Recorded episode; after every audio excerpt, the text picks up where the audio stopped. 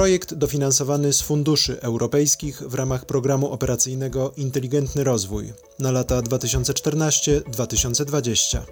Wsparcie prowadzenia prac B plus R przez przedsiębiorstwa. Eureka.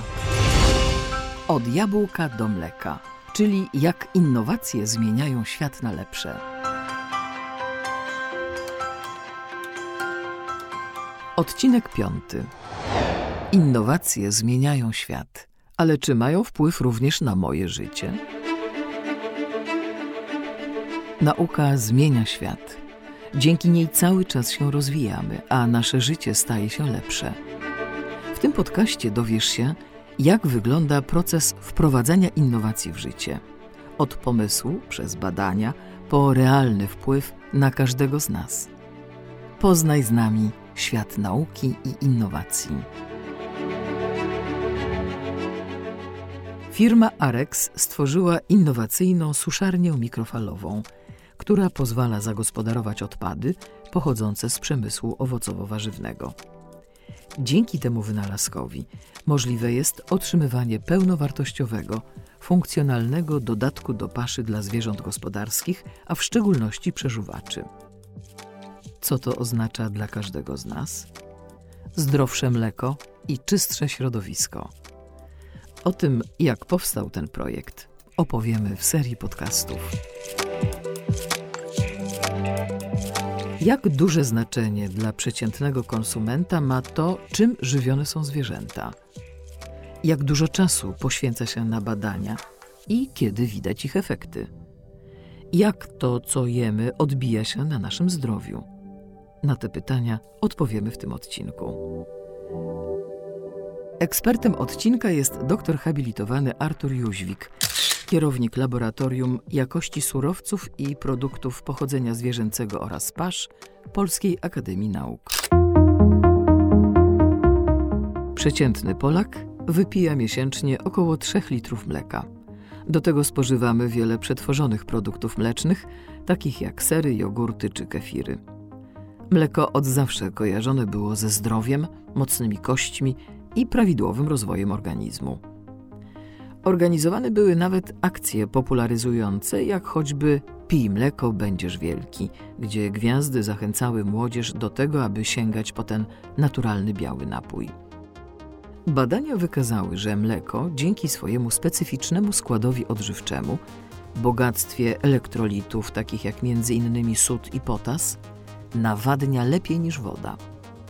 Ale zanim mleko trafi do naszej szklanki lub kubka z jogurtem, musi przejść długą drogę, a jakość mleka zależy od tego, czym i w jaki sposób żywiona jest krowa. W polskich gospodarstwach hodowanych jest ponad 6 milionów sztuk bydła. Część z nich to stada typowo mleczne, inne są hodowane na mięso. Polska wołowina cieszy się na świecie dużym powodzeniem. To głównie zasługa wysokiej jakości mięsa uzyskanego dzięki wyśrubowanym warunkom hodowli. Jest oczywiste, że to, jak żywiona i hodowana jest krowa, odbija się potem na jakości serwowanej nam żywności. W Polsce ze względu na klimat stosuje się pastwiskowo-alkierzowy chów bydła. Oznacza to, że zwierzęta od wiosny do późnej jesieni korzystają z pastwisk, a resztę roku spędzają w budynkach. Okres jesienno-zimowy to najtrudniejszy czas dla hodowców, bo wiąże się ze sporymi wydatkami na paszę. Niektórzy hodowcy bydła i producenci mleka sięgają po wytłoki pozostające z produkcji przetworów owocowo-warzywnych. Bogactwo odżywcze wytłoków jabłkowych wpływa na dobrostan zwierząt, między innymi przez zawarte w nich polifenole oraz witaminy. Polifenole związki antyoksydacyjne.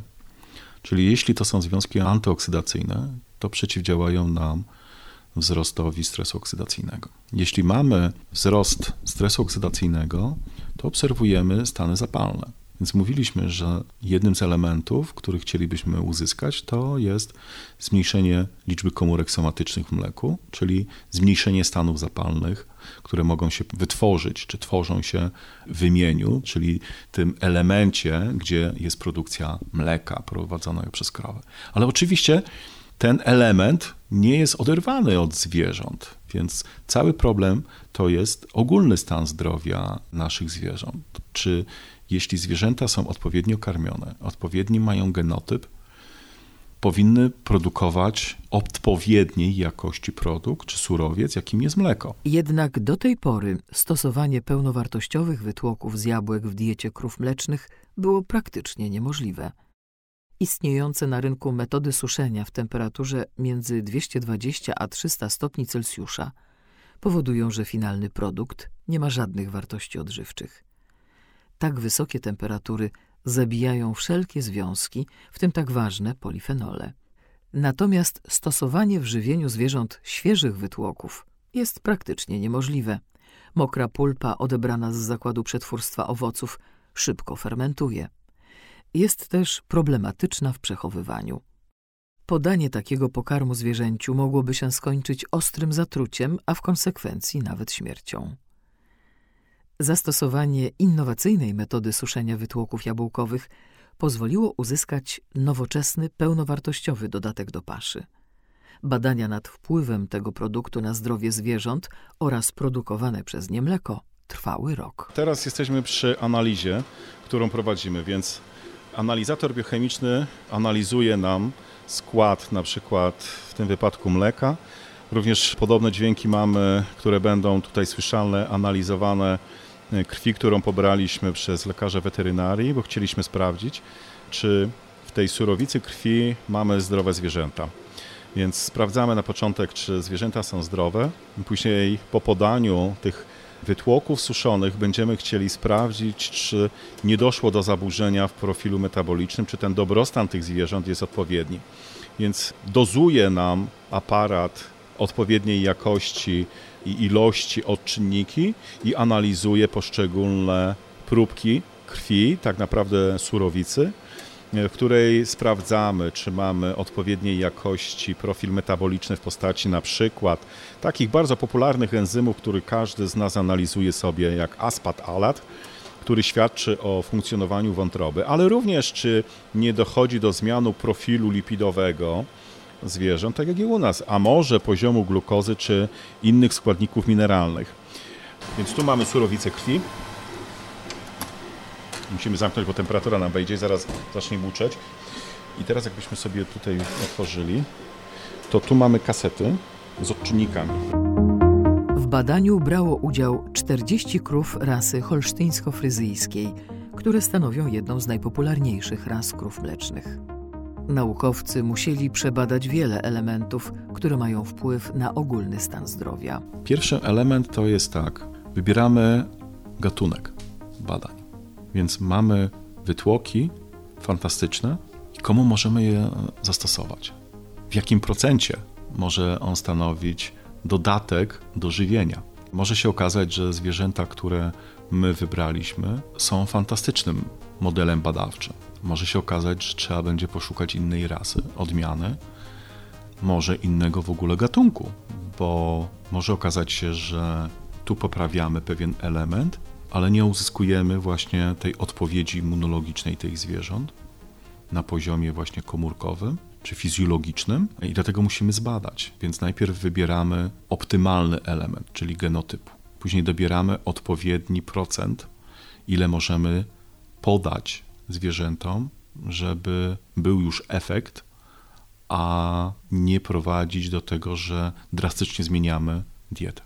Bo każdy powie nam, że mamy odpowiedni genotyp, a ten genotyp musi być odpowiednio odżywiony, żeby produkował bezpieczny, zdrowy surowiec i produkt.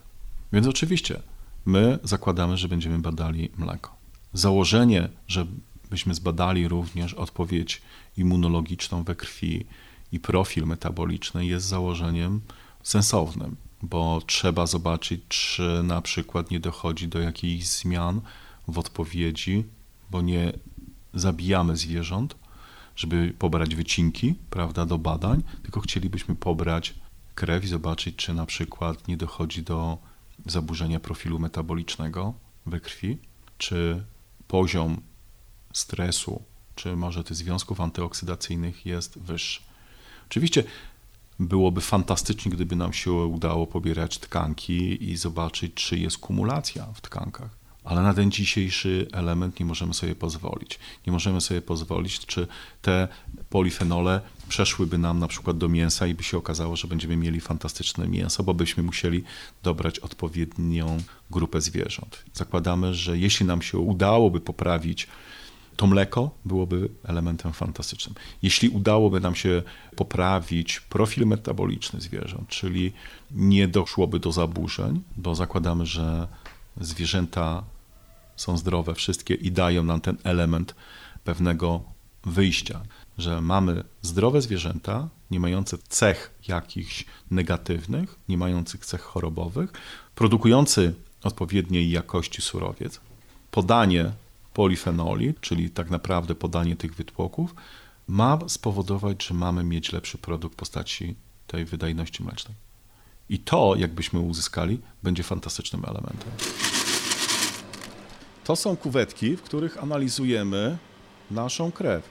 To są mikrokuwety z niewielką ilością, gdzie są dozowane naprawdę mikrolitry krwi, więc my tak naprawdę możemy analizować krew nie tylko od dużych zwierząt, takich jak właśnie krowa, owca, koń, ale pies, kot, człowiek, ale również mysz czy szczur. I w nich, uzyskując niewielką ilość tej surowicy pochodzącej z e, naszych organizmów, jesteśmy w stanie zanalizować profil, który my w naszym laboratorium analizujemy, to jest około 23 różnych parametrów. Więc tak naprawdę my potrzebujemy niewielką ilość prawda, tej krwi, więc zwierzę jest w odpowiednim dobrostanie, bo pobranie jednej probówki pozwala nam na szeroką analizę wielu parametrów, które będą opisywały nam ten profil metaboliczny naszych zwierząt.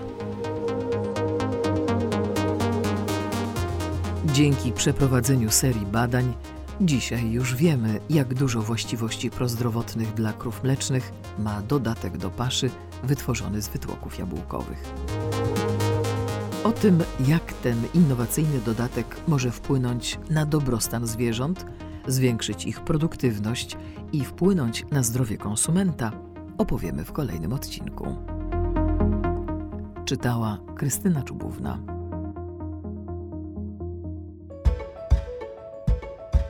Projekt dofinansowany z funduszy europejskich w ramach programu operacyjnego Inteligentny Rozwój na lata 2014-2020.